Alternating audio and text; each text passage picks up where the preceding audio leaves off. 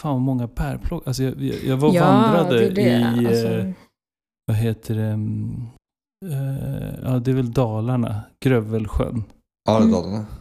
Eh, och liksom man passerade så många så här små minivans med mm, bärplockare. Jaha. mm, Det var... mm. Vet vi hur många Men- det är? Det kanske du Alltså, alltså, ska ta nej, eller jag, jag bara kollade upp statistiken Mm. jättesnabbt. Mm. Och de var klart överrepresenterade bland migrantarbete eller Mm. eh, work permit. Alltså det var typ, ska vi se. Om vi kollar statistiken 2023 då. Mm. Så är det totalt eh, 20 823 beviljade arbetstillstånd. 5 240 är bärplockare. 3 703 är IT-arkitekter, systemutvecklare och testledare. Mm. En hög 1692 är ingenjörer. Eh, 1479 är civilingenjörer. Sen kommer snabbmatspersonal på 761.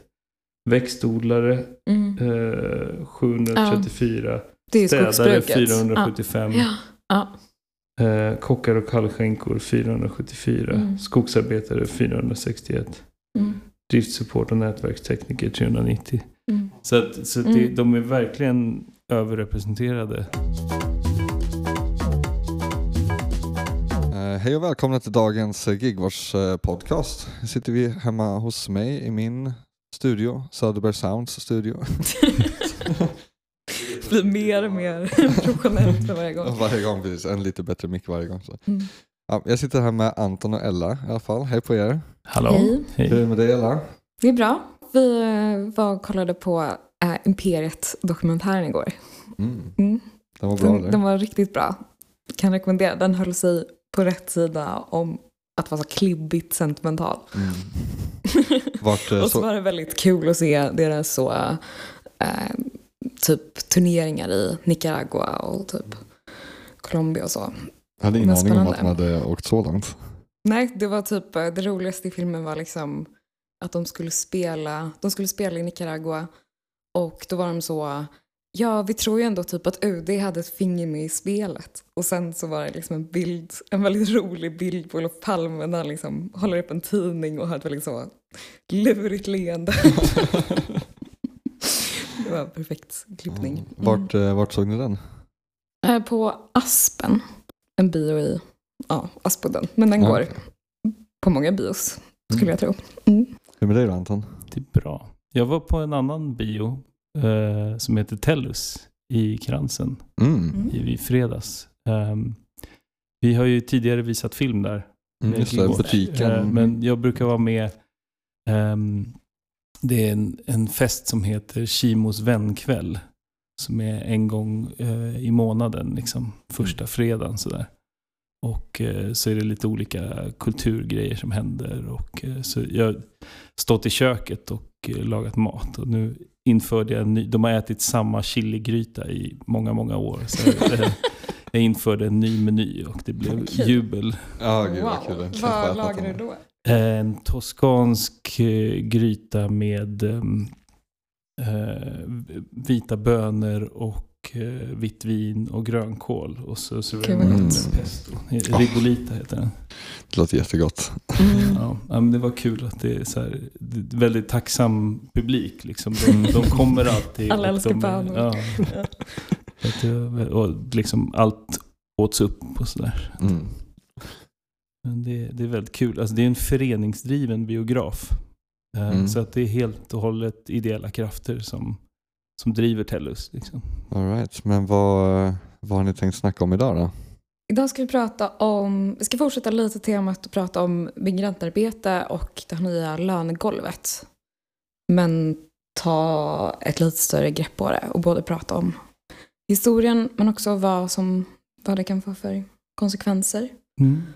Och anlägga en liten genusanalys på vad regeringens nya lönegolv faktiskt innebär för migrantarbetare. All right. Det låter superspännande. Mm.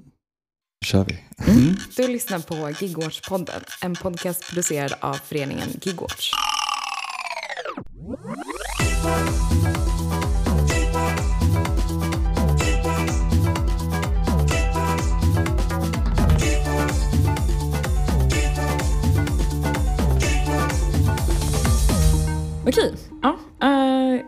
Tänkte börja lite eh, och ge lite ja, historisk bakgrund liksom, till ja, hur arbetskraftsinvandring har funkat i Sverige och så.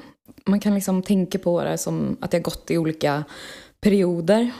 Eh, där liksom den första perioden är mellan 33 och 45.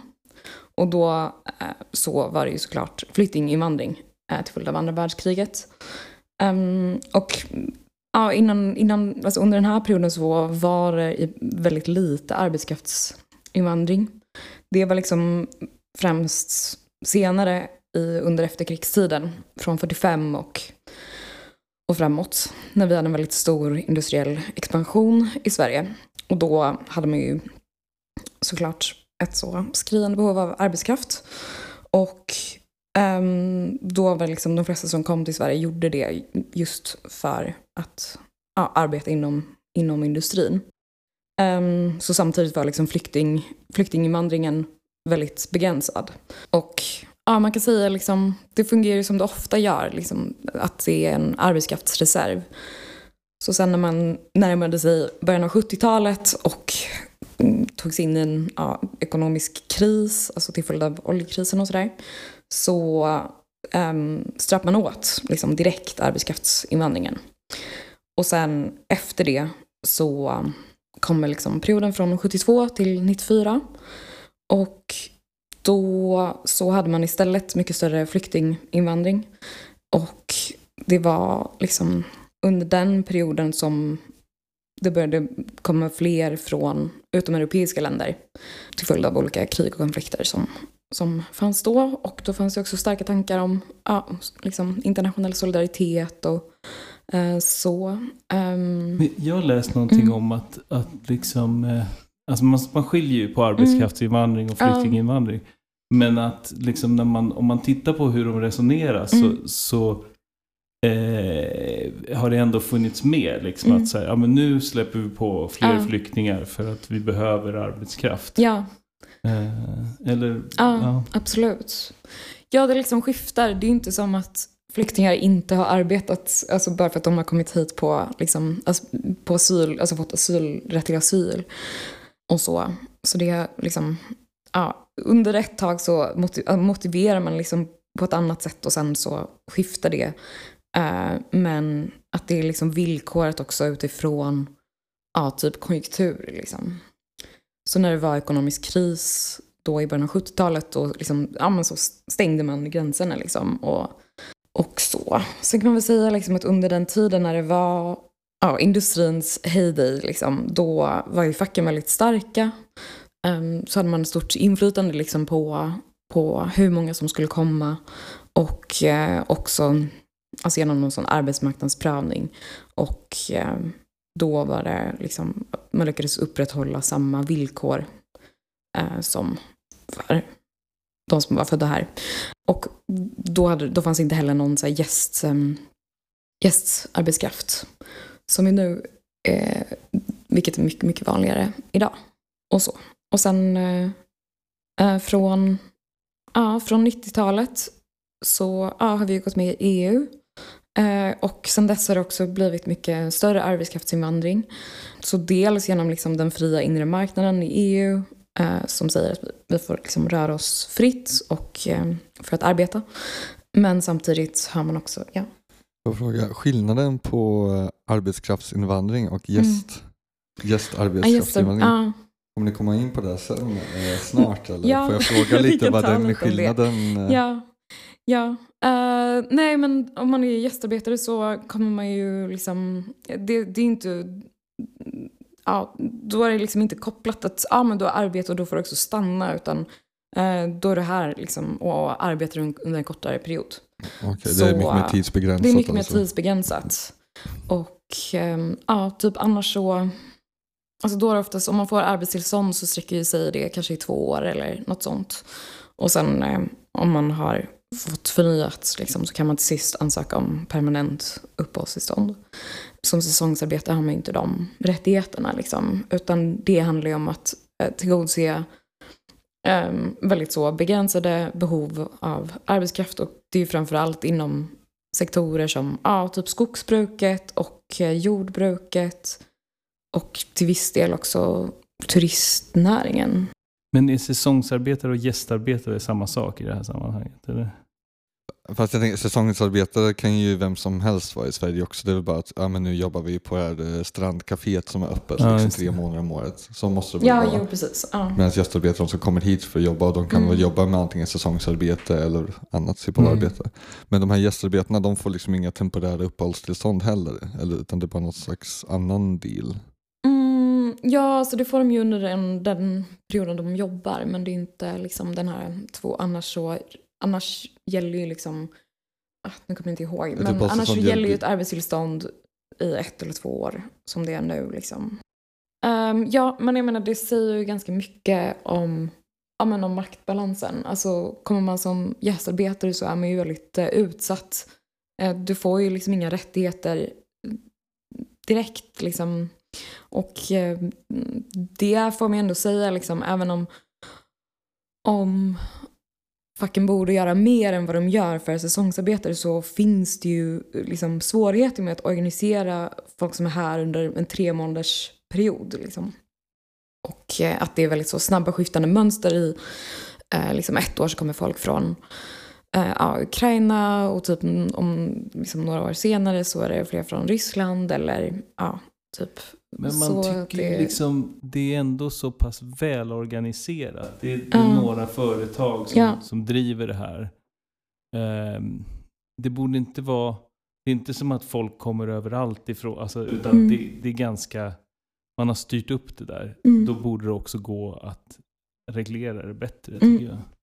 Ja, för det är ju återkommande hela tiden, mm. bärplockare och sånt, att de fortsätter ju komma och det är väl mer eller mindre samma arbetsgivare som tar hit dem på samma slags... Ja, eller eh, uppdragsgivare. Den svenska uppdragsgivaren, uppdragsgivaren är eh, samma. Men mm. sen är liksom beman de thailändska bemanningsföretagen byts ut. Ja, mm. exakt. Eh. Jag tror att det kan vara ganska shady hur det där går till. Och liksom mm. att det inte är liksom företagen oftast som kanske rekryterar direkt. Utan det är en massa mellanhänder och liksom Eh, vad brukar man säga, så brokers eller eh, så. Som, ja. I höstas hade vi en studiecirkel om migrantarbete. Och så var det en av de texterna vi läste av en som heter Denise Frank som hade då skrivit om eh, byggsektorn. Men det här är liksom ett större mönster. Men liksom att fram till 90-talet ungefär så var liksom eh, den dominerade anledningen till att företag eh, anlitade migrant, alltså arbetskraft, eller använde sig av migrantarbetskraft var för att täcka upp en efterfrågan på arbetskraft som hade svårt att fylla på något annat sätt. Att det var så under perioder av liksom, ekonomisk tillväxt och så, så ja, man använde liksom migrantarbetskraft som en arbetskraftsreserv. Eh, men sen efter 90-talet då har det liksom blivit mycket vanligare att um, arbetsgivare eller arbetsköpare använder sig av migrantarbetskraft för att liksom, ja, skära ner kostnaderna på, på löner och villkor. Och nu har vi en situation där det är i liksom många branscher skulle liksom inte... Hela anledningen till att de kan gå med vinst är att de typ inte betalar ut löner mm. och eh, alltså utnyttjar folk på ett extremt systematiskt eh, sätt. Um, det har satts i system på ett helt annat sätt mm, helt enkelt. Att exakt. Men det är, ja, det är spännande nu, liksom, till exempel byggindustrin, är ju, det händer inte så mycket där. Vad händer med mm. alla migrantarbetare då? Mm. Eh, ah, de du måste menar ju vara de första kris. som... Ja, ah, ja, ja precis. Lågkonjunktur och allting. Ja. Alltså byggarbetarna demonstrerar ju för mm. att det, det, inte byggs någonting. Mm. Liksom. Eh, och det, ja, de första som, som ryker är väl migrantarbetarna. Liksom. För tanken var att jag skulle prata lite om det lönegolv som vi nu har fått sen förra året. Eller det är ju ett nytt lönegolv kan man säga. Det fanns ju ett eh, som var betydligt lägre. Eh, och för att förstå hur det här har utvecklats så måste man backa tillbaka till 2008 när Moderaterna och Miljöpartiet gjorde upp om en migrationspolitik. Där man, alltså i Sverige så har vi haft det här att facket har alltid haft en möjlighet att reglera Mm. invandring, eller eh, arbetskraftsinvandring. Eh, att, att man gör en behovsprövning. Behövs det fler frisörer? Behövs det fler ingenjörer? Salsainstruktörer? Eller ja, vad det nu må vara. Jag säger alltid salsa. Jag tänkte exakt Jag har alltid exakt de, de, de exemplen. Ja. Det Okej, Ja. jag får komma på andra. Ehm, men ehm, så att det, det har ju varit den ordningen som jag kan tänka mig, utan att spekulera för mycket, att Moderaterna var väldigt pigga på att göra sig av med den ordningen. Alltså både för Mm. att knäcka fackets makt och för att öppna upp för en eh, större liksom, eh, inflöde av arbetsmigranter helt enkelt. Mm. Eh, och den nya ordningen var då att vilken arbetsgivare som helst kan skicka efter eller liksom utfärda arbetstillstånd åt vilken arbetstagare som helst. Um, och det, det enda liksom, kravet var att de skulle tjäna 13 000. Och sen höjs då, eh, efter två år så ska de tjäna kollektivavtalsmässig lön. Men eh, det är ju liksom eh, en kraftig lönedumpning. Eh, nu är det inte så många som har tjänat 13 000, de flesta ligger högre än så. Men eh, det, alltså det, det som är lurigt med det här systemet, det är att det öppnar upp för ett utnyttjande. Mm. För att migranterna är beroende av att få det här pappret, att få det här eh, tillståndet, arbetstillståndet. Och, och det vet arbetsgivarna och då kan de eh, kräva saker. Som vissa har liksom blivit krävda att de, de får kanske en kollektivavtalsmässig lön då. Eh, men de måste gå till bankomaten och betala tillbaka hälften eller en tredjedel eh, Mm. vid löning till arbetsgivaren. För att arbetsgivaren sitter och viftar med det papper som gör att eh, migrantarbetaren och dens familj kan bo kvar i Sverige. Mm. Eh, så att, eh, men, eh, och, och det var ju ganska pissigt kan man säga. Mm. Och det var ju liksom det jag råkade på när jag var på by Bike och var skyddsombud. Exakt. att jag träffade massa pakistanska killar som inte visste vad de skulle göra med Migrationsverket och facket och hit och dit. Ehm, men eh, nu liksom när då Moderaterna lierade sig med Sverigedemokraterna istället för Miljöpartiet, då såg de till att göra det ännu värre. Så att då höjde man från 13 000 till 80 procent av medianlönen eh, som då blir 27 360. Och Mm. de som hamnar under det ska då inte få något förnyat arbetstillstånd. Ja, Ehm, precis. mm. Och typ redan, redan då från 2008 så har man liksom flyttat bördan till, ja, till arbetarna. Liksom. Det är de Mm. som måste visa att man kommer upp i 13 000 eller nu 27 000. Mm. Att det inte liksom... Ja, man reglerar det genom att kont- kontrollera dem, alltså vad man faktiskt får för inkomst. Inte, inte vad arbetsköparna betalar för lön. Liksom. Det är inte arbetsköparna som straffas om det är för låga löner. Nej. Och det har jag sagt förr i den här Mm. podden. Men eh, det här går ju tvärt emot det som vi kallar för den svenska modellen. Det vill Mm. säga att, att eh, löner och villkor på arbetsmarknaden ska regleras i en förhandling mellan facken och arbetsgivarna.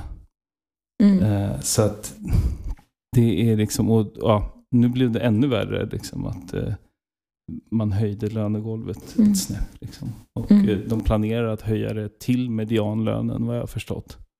Så ja, jag vet inte. Det de som har drabbats av det här är ganska desillusionerade, verkar det som. Det jag hör i alla fall. Mm.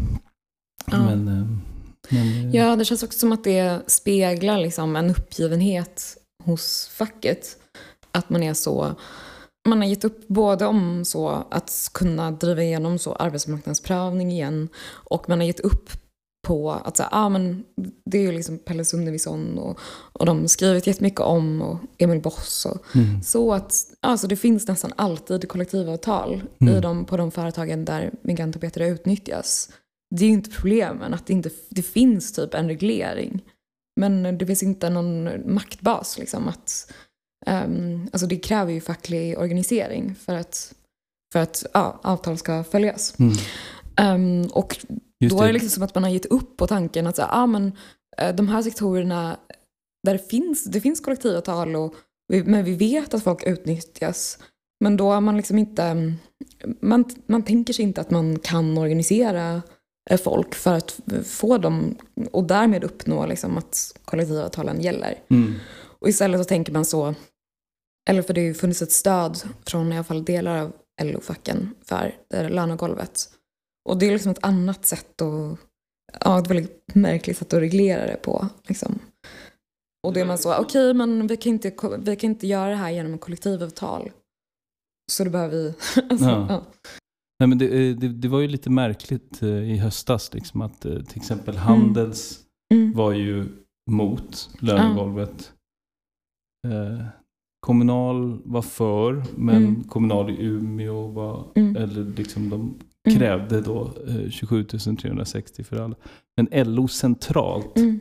var för det här Mm. lönegolvet och det tycker jag är väldigt talande. Mm. Ja. Eh, och det är nog precis som du säger, att de, de, de tror inte på sin egen metod. Eller Mm. Nej. liksom, de, de har ingen förankring. Så att då, Mm. då är det liksom att kasta ut Ja. migrantarbetarna som är sista lösningen Mm. på lönedumpning. Mm.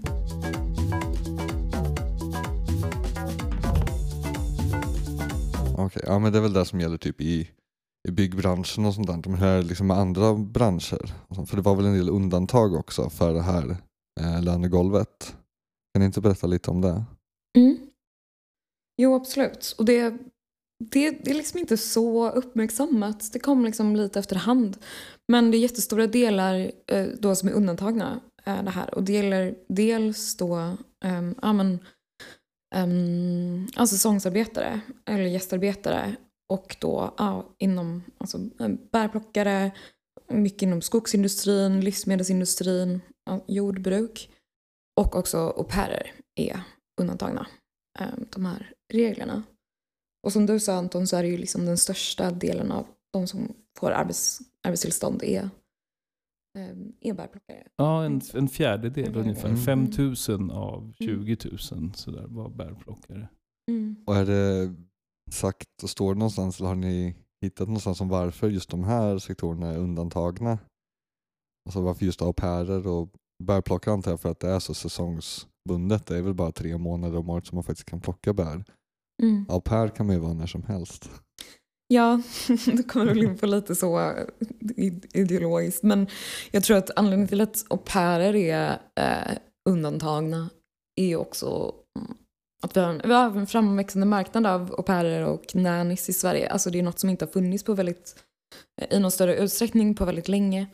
Och nu, alltså efter ja, men RUT, eh, RUT-avdraget kom och eh, samtidigt som vi har liksom ökande ojämlikhet eh, så har det liksom öppnat upp för en marknad eh, där vissa liksom kan köpa sig fria från att ta hand om sina barn, typ.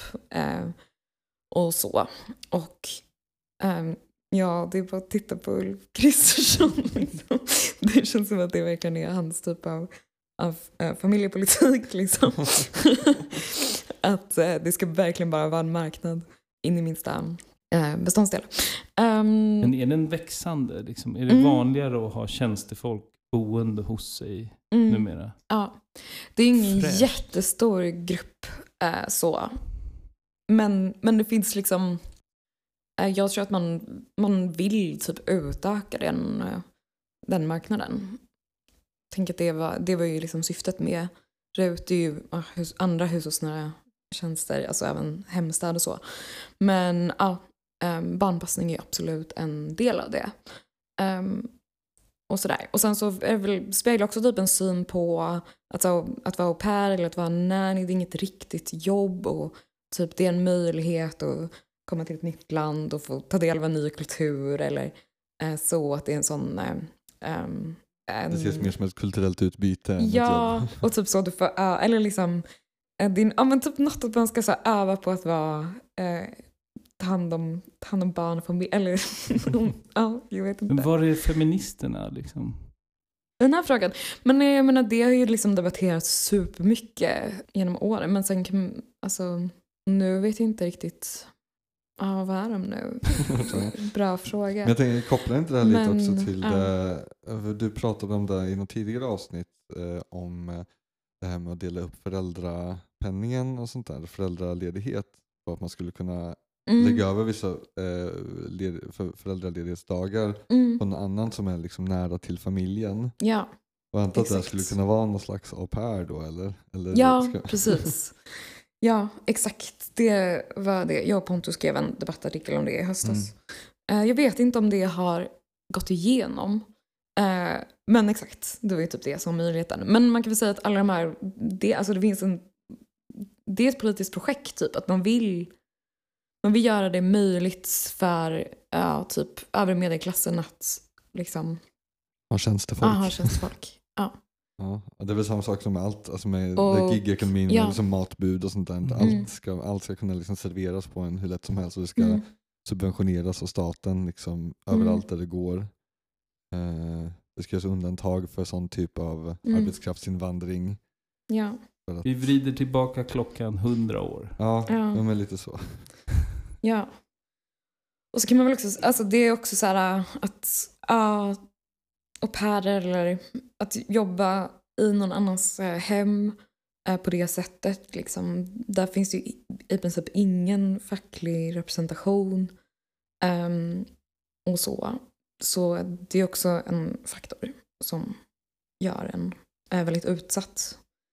Liksom, för det, ja, på- det räknas liksom nästan inte som arbete. Jag tänker det är också en del till varför de, det är eh, undantaget. Liksom. Mm. Det är helt sjukt. Ja, Jag kan inte liksom... ja, Det, det är helt sjukt. verkligen. Alltså jag kommer ihåg själv att jag var au pair och liksom hörde om från vissa kollegor inom citationstecken som jag träffade som hade problem med liksom barn som slog Mm. dem och sånt där och inte fick hjälp av föräldrarna. Det var verkligen så här, nej men det, det framställs ju ofta som var ganska glassigt jobb liksom, Mm. att man får leva det goda livet liksom. Men sen är det ju alltid lite mer jobb än vad man signar upp för liksom. Mm. Jag var ju Förutom barnpassare så var jag liksom pool, poolpojke och städare. Mm. Ja, Liksom, alltså, och när man är där och, och bor där med dem liksom, Mm. och får pengar så är det ju eh, så är det svårt att säga nej till sånt också. Mm. Man antas liksom göra alla sådana saker för det, men, nej, men du är en del av familjen Mm. och alla här hjälper ju till och städar och fixar. Sånt. Mm. Okej, ja visst. Man, Mm. Ehm, men det är kanske en annan position för folk som kommer hit från liksom, ja, mycket Filippinerna eller så. Och ska vara här. Man hamnar lite i en annan situation antar jag. Man inte Mm. kan språket. Men det är och- ett kulturellt utbyte. De ska lära sig om svensk jämställdhet och sånt där. Eh, göra det pappan inte gör. Eh, ja, exakt. Ehm, ja, alltså det man också, jag tänker det du sa nu, att ja, kopplat till gigekonomin, liksom, att vi, de apparna är kanske inte jättestora i Sverige än. Eh, men i länder där det är mycket vanligare liksom, att ha barnflickor eller um, hemstad, alltså vi har ju, det, hemstad är ju verkligen också en, växande bransch i Sverige. Men när man har gjort undersökningar då liksom, och pratat med de som, som jobbar vid de, de gigapparna så är det liksom extremt tydligt att um, ja, man gör jättemycket obetalt arbete. Eh, för att ja, det finns inga tydliga gränser. Liksom. Mm. Ehm, och man är i en um, väldigt tydlig beroendeställning och eh, det är också så uh, ens personliga liksom ehm, det är så himla så tillitsbaserat, eller man måste liksom visa sig värdig hela tiden. Eh, och det skapar ju också liksom, incitament till att inte säga nej till det. För att man vet att så, ah, men om jag inte stannar typ en halvtimme till och hjälper till med disken så kommer jag få ett sämre betyg och det kommer vara svårare för mig att få nya uppdrag. Mm. Ehm, så ja. Ja. Mm. Ja precis, det jobbas in i systemet att man alltid ska göra det lilla extra. Eh, ja, obetalt arbete. Alltid. Exakt. Mm. Så det här med att det finns ingen bra tjänstefolk nu för tiden, det stämmer inte eller? Nej. Så det är liksom den ena delen. Men sen så drabbar det också eh, kvinnor annorlunda um, i och med, alltså om vi går bort från de som är undantagna lönegolvet nu och de som drabbas av lönegolvet så finns också ett väldigt så tydligt könsbaserat mönster där. Som är att ja, men i sektorer som till exempel ja, men äldreomsorg eller städning, um, hotell och restaurang eh, så ligger ju lönerna, alltså de vanliga lönerna, ehm, det är ju väldigt, det är svårt att komma upp till 27 300 i månaden. Så ja, på det sättet kommer det drabba kvinnor hårdare. Verkligen. Mm. Det, men regeringen eh, sa ju att de vill attrahera talanger. Det är Mm. därför de sätter lönegolvet liksom så Mm. pass högt. Mer Ja, ingenjörer. precis. Men det var, alltså, Mer- var inte ingenjörer redan nummer två på listan över, över folk som arbetskraftsinvandrar? Så vi har, det är redan många ingenjörer och civilingenjörer och IT, IT-folk som kommer. Absolut. Och de har väl inga svårigheter och så det, det är inte som att alltså, locka mer talang, de kommer ju redan. De. Så det, är Ja. inte, det är inte som att så här, alltså, de kommer väl inte i högre utsträckning nu när de har höjt lönegolvet. Det är ju mer bara att det, så här, man försöker stänga ut det andra. Alltså, jag vet, om Mm, vi ska ja. tala klarspråk, eller i vart fall min Såklart. analys av Mm. det som hände i höstas med det här höjda lönegolvet. Det handlar egentligen inte om, alltså Sverige har behov av eh, folk inom en massa sektorer. Mm. Mm. Eh, det här handlade om att liksom blidka Sverigedemokraterna. Mm. Och då är frågan så här, vilken grupp kan vi kasta ut enkelt med ett pennstreck? Och då är det liksom Ole Dole Doff, migrantarbetarna. Alltså de är redan här på korta kontrakt. Och liksom, Mm. det, det, det var inte ens någon Det lät riktig lag. fixat. Det var inte ens någon riktig lagändring. Det var liksom någon förordning som de skissade lite på. Mm, Mm. precis. Och det är inget man måste ta med facken heller för de Nej. eh, har inte med det att göra. Liksom. Så att Facken det, skriver gladeligen under Ja, det på de ju. det Mm. här Ja. höjda lönegolvet. Mm. Så att Mm. det, mm, ja. Ja, precis. Jag tror ju också inte att... Alltså det är, ja, exakt som du säger, liksom, det finns ju fortfarande... Det är inte som att efterfrågan på migrantarbetskraft minskar på något sätt. Utan, och det är också...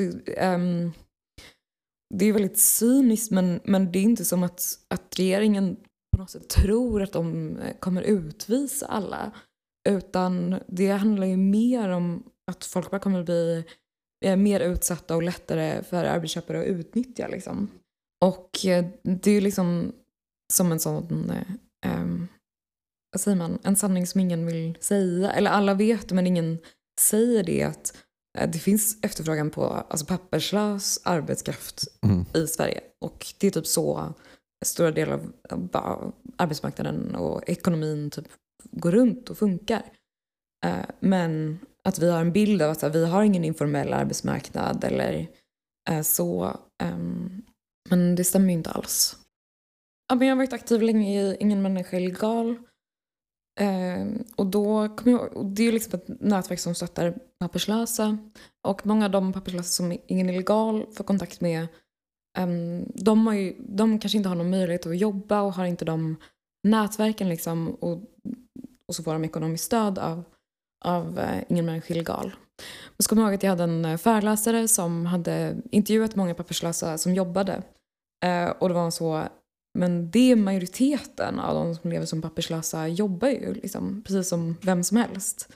Och eh, ja, typ att det är Ja, det är liksom... eh, Ja, det är, helt, det är, det är helt normalt. Och Mm. På ett sätt så är det Man kan tänka på det som ett skuggsamhälle men det är också eh, extremt bara närvarande i, i, i en stad. Liksom. Eh, och det behöver inte alls vara liksom, att man jobbar på eh, liksom, natten eller när man inte syns eller så utan eh, eh, det funkar liksom mm, det, fun- det funkar hela tiden. Liksom. Det, Ja. ja, men det, alltså, jag kan känna att vi har liksom hamnat... Jag bodde i USA Mm. 1990 90. Mm. Och eh, det var saker som man såg där, eller som man liksom blev varse, som nu har kommit hit. Alltså det här med ja, men, eh, hemstädning och poolskötare och allt vad det är, au pairer. Alltså, ja. eh, att, att, det, att det är liksom normaliserat. Och det är en massa Mm. saker som har normaliserats Mm. helt enkelt. ehm, här. Och ehm, ja, jag vet inte riktigt eh, hur det hände. Eller när, det- eller, alltså, det, ja, såklart RUT-reformen, men det, det är ju också en Mm. förändring av liksom folks värderingar och synsätt. Ja. Eh, hur gick det till? Jag antar att alla vill känna, alltså det var väl väldigt så överklassgrej tidigare att ha liksom tjänstefolk, städer och sånt där. För det var ju liksom ja, inte så många som man kände som hade, hade sånt hemma nu men det blir ju mer och mer normalt. Jag antar att det är så att när liksom typ löner stagnerar och sånt där, Annat att det, man ska hela tiden bli en bättre konsument eller man ska alltid få tillgång till mer och mer hela tiden. Och när det inte kan ges av att liksom alla, det är inte så att man själv kan få högre löner eller annat utan det måste bli så att det är andra som får det sämre för att man själv ska få det bättre. Eh, och då måste man ju ha en större och större liksom del av befolkningen som har det sämre för att medelklassen ska kunna liksom njuta av det goda livet på något sätt och få det jag vet inte om jag säger det så Mm. himla tydligt nu men eh, Alltså för att hålla det här liksom, det kapitalistiska maskineriet igång och i drömmen eller liksom visionen, utopin om det här, att vi liksom alltid blir mer och mer liksom, eh, framgångsrika liksom, konsumenter i det så måste vi alltid få mer. Alltså man måste alltid kunna få mer saker och då handlar det sådana här tjänster också, att alla ska ha Mm, tillgång mm. till sådana här tjänster. Menar. Så att vi ska kunna hålla den här visionen om liksom, det utopiska kapitalistiska samhället igång, att alla ska ha total frihet genom sin konsumtion. Mm. Och det är väl där som hänger på att man har en massa utsatta människor som man kan betala skitlöner eller inte betala alls ofta. Ja, precis. Jag, tror- alltså Pontus har formulerat det bra någon gång. Alltså bara att, ja, men, ehm, att det är möjligt för delar av, om vi tänker liksom arbetarklassen som alla som behöver lönarbeta liksom, för sitt uppehälle. Att det blir liksom möjligt för delar av, arbetarklassen att köpa andra delar av arbetarklassens arbete. Eh, det förutsätter ju att man har dragit isär extremt mycket Mm. liksom, i, ehm, ja, i löner och liksom, eh, livsvillkor. Eh, för det är ju egentligen helt ologiskt. Typ. Mm. Varför ska vi köpa varandras arbete alltså, på det sättet? Liksom? Just det, han pratade ju om det i senaste Värdet av Mm. pengar. Tror jag. Så Mm. pratade lite om att det här att vi har köpt oss fria liksom, från det här eh, deltagandet i samhället på något sätt och köper oss Mm, fria. liksom, att och att det liksom just till även för liksom arbetarklass och så här, medelklass är så himla, eh, kan vara lite svårdefinierat men, liksom, ja, men vi som lönearbetare, liksom, att de också kunna köpa sig fria från det här eh, eh, från de tråkiga bitarna av, Mm. av livet. Mm. Det som gör oss till människor. Liksom. Ja. Att städa och tvätta. Typ. Mm. För jag skulle vilja backa till en Mm. grej som du sa, alltså nämligen att eh, det här med att, det är en, att, att Sverige har ett behov av papperslös arbetskraft men att det Mm. inte är någonting vi pratar om. Mm. Och om det är någonting, en känsla som Mm. jag har liksom efter lönegolvet, den debatten, Mm. liksom hela, så är det så här, det är liksom inte en elefant i rummet Nej, utan det- är så här, det Ja. börjar bli trångt nu med saker som vi Mm. inte riktigt kan prata om. Mm. Mm. Och hur bryter man igenom den? Alltså jag, jag förstår att Mm. LO inte är pigga på att prata om det här. Men hur bryter man igenom den Mm. barriären och lyfter upp de här frågorna? Mm. Jag, jag, jag tycker jag har skrikit mig hes om de här frågorna, Mm. men det känns som att det är så här, no. Ja, det är en bra fråga. Så Ja, får man LO att lyssna på en? liksom- De kanske lyssnar men de vill inte svara. jag tror att folk är, jag tror att, att, att de är Ja, jag tror att de vet att det är en elefant i rummet och att det är alltså, ett, alltså mm, vad ska man säga? Alltså man försvarar liksom svenska modellen med näbbar och klor. Men det är inte som att man inte vet att det finns problem eller luckor i den. Liksom. Men jag vet inte varför man inte gör större organiseringssatsningar faktiskt. Men, Ett, stort, ett trångt rum med många elefanter på tunn is. ja. Hänger på en skört tråd. Jag vet inte hur många fler Ja, Mm. liknelser man kan... ja. Eh, Nej men alltså, och det kanske inte är, jag vet Jag hade en idé att, att liksom migrantarbetare kanske kunde ställa sig och demonstrera framför LO-borgen. Det var Mm. min bästa liksom, på Mm. något sätt. Eh, nu, nu blev det inte så. Liksom, luften gick ur när, när det här lönegolvet klubbades igenom. Men Mm. eh, att det, det är ändå det är där skon klämmer. Eller så här, vi vet vad Moderaterna vill ha. Vi vet vad Sverigedemokraterna vill ha. Men frågan är, är det det här som LO vill ha? Det, alltså de har ändå någon slags is i hela sitt, liksom sin analys, i hela sin historia. Så, så finns det andra tankar om hur man löser det här. Att man faktiskt måste organisera de svagaste. Men, eh, I myten om Mm, LO. men- Den mytologiska LO liksom. Mm. Riddare de var förr. Och, och mm. Man lever väl kvar det.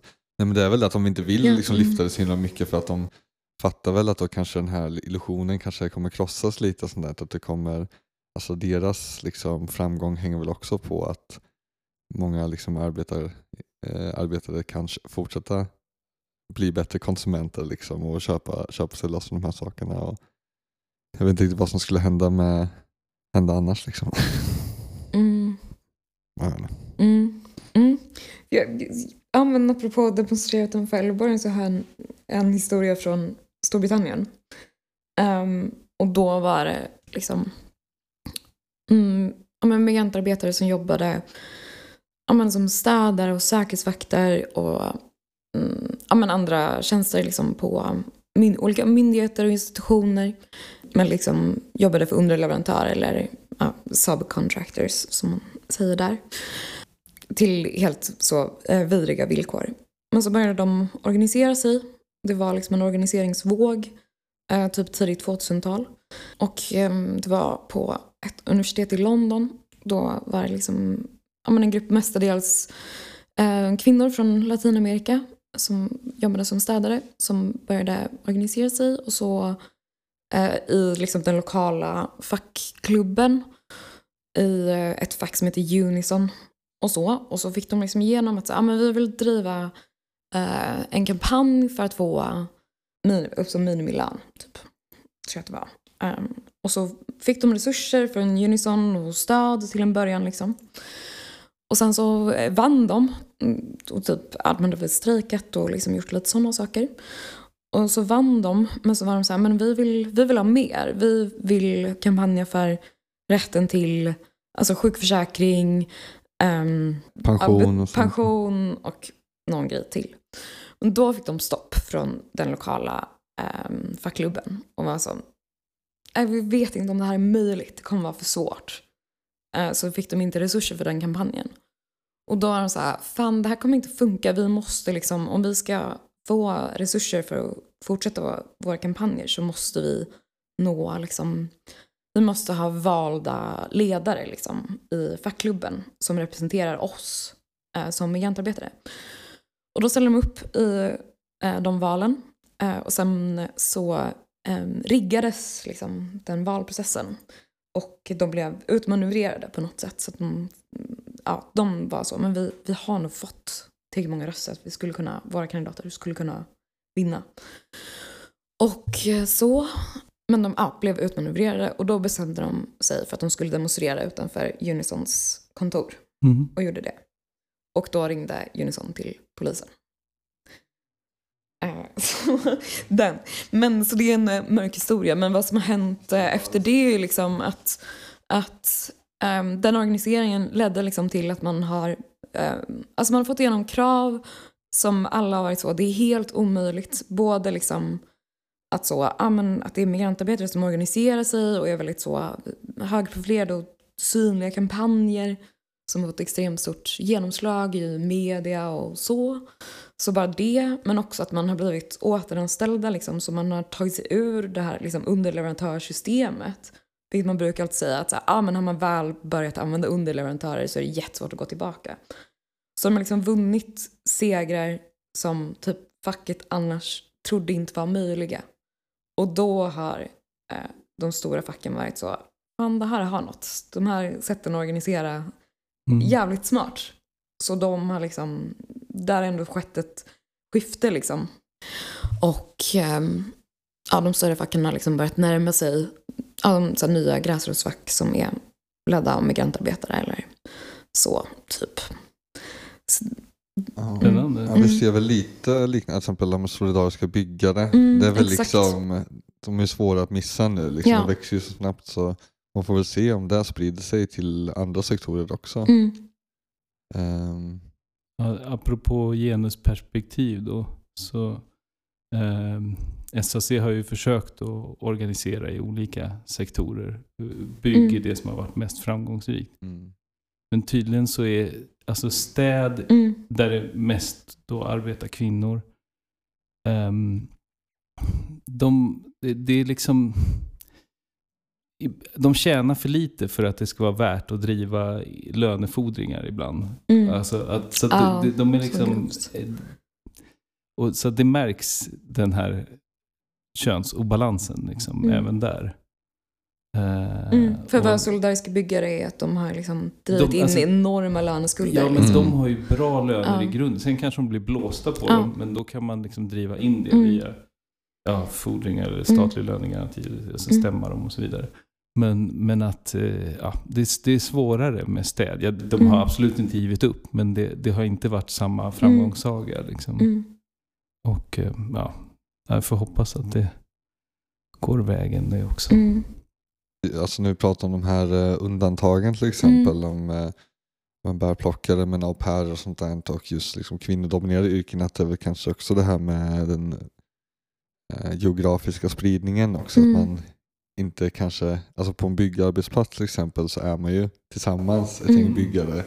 Det är lite lättare att liksom, och det är en ganska fast plats liksom, medan Mm. Mm. man, om man träffar sina kollegor medan ofta kvinnliga yrken kanske mer utspridda och som, även som städare. Man, Mm. kanske, Mm. det Ja. man är inte på ett ställe hela dagen med samma, utan man hoppar väl runt Ja, kanske exakt. mellan olika Mm. ställen och städar. Mm. Med olika typer av scheman, träffar olika personer hela tiden. Så det är väl också gör det väl svårare generellt för de yrkesgrupperna att organisera sig. Mm.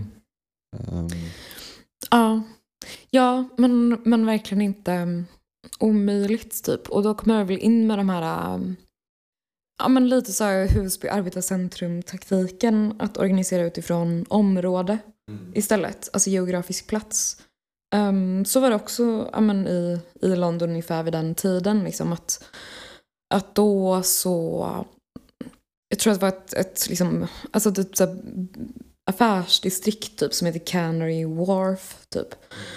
Ja, då var det liksom så här, ja, men nu ska vi få upp, eh, nu ska vi få ett så living wage, en så levnadslön på, på alla arbetsplatser i det här området. Liksom. Och ehm, då spelar det ingen roll om man går ihop så eller liksom driver en sån typ av kampanj. Då spelar det ingen roll att arbetare rör sig mellan olika arbetsplatser. Att så, Mm. ah, men du städar eh, två timmar på det här museet och sen är du på det här universitetet och sen är du på det här kontoret. Utan då ska du liksom ha samma villkor på alla de arbetsplatserna. mm. Så det är väl en sak. Liksom. Att, ja, det är i och för sig också en stad, inte som i Nej. i liksom, skogs och lantbruket. Där är det ju verkligen svårare. Typ. Mm. Jag, jag tror att eh, den här kampanjen Justice for Janitors Ja. också eh, liksom ändrade på Mm. något sätt eh, Ja, organiseringsenheterna. eller Mm. liksom att, att det inte längre var på man, att man var på en skola kanske, men att, det Mm. var, att man liksom fick ihop folk i ett helt område som Mm, jobbade. precis. Det- Exakt. Ehm, Men man får vara kreativ eh, som organisatör tror jag. Att eh, hitta liksom uppsamlingsplatser eller eh, möta upp folk på väg till jobbet. Eller, ja. Mm. Jag undrar om det här Solidaria kan bli någonting, alltså om det nu är så att folk får av eller blir avvisade eller deporterade. liksom. Ehm, att, eh, att det finns ställen där liksom även papperslösa kan träffas eh, tror jag kommer vara viktigt. Eh, Mm. Mm. Vad är Solidaria? ja. Som inte vet. Solidaria är ett eh, nytt center eller liksom en ny lokal för ehm, eh, som ska möjliggöra olika typer av aktiviteter och där alla ska vara välkomna, även papperslösa. Mm. Är det något här i Stockholm? Jag tror att det ligger i Sundbyberg. Mm. Mm, Eh, det gör det. men det är ganska nytt, eh, så det är nog Mm. inte helt färdigt än. Så. Men, Mm. Mm. Mm. men, ja, Mm, det är vi kan fett. lägga upp lite mer information. Ja. Jag får följa upp det lite sen se hur det, hur det går med det. Ja, men eh, Mm. det, kanske, det kanske var allt för idag eller? Eller har vi något annat som vi vill tillägga? L- Mm, Livepodden, ska vi prata om det? Livepodden, ja just det. Vi, får, eh, vi ska ha en livepodd den 24 februari på Café 44 tillsammans med Take Concrete Action. Det är en stödkväll för Take Concrete Action alltså. Så det är ja, Mm. bäst med livepodd och det kommer väl vara en hel del klimatfokus eh, Ja. i den livepodden. Exakt. Eh, Take Concrete Action är ett alltså, klimataktionsnätverk kan man väl säga. Ja, Ja. precis. Eh, så en stödkväll för dem helt enkelt. Och det, blir, det blir kul. Ja, men just nu då vi tar oss ju an liksom det här med temat eh, klimat och gigekonomi. Eh, vilket eh, är, man kan säga ganska mycket om om man liksom funderar lite kring det. Vi kommer ha några gäster. Vi kommer Så ha det blir, gäster. det blir spännande. Så håll Mm. koll på våra sociala medier Mm. eh, och kom dit. Eh, 24 februari klockan 18 tror jag att det börjar. Ja, Eh, stämmer. på Café 44. Så vi ses då. Mm. Det gör vi. Mm. Tack för idag hörni. Tack för idag. Tack. Hej då. Hej.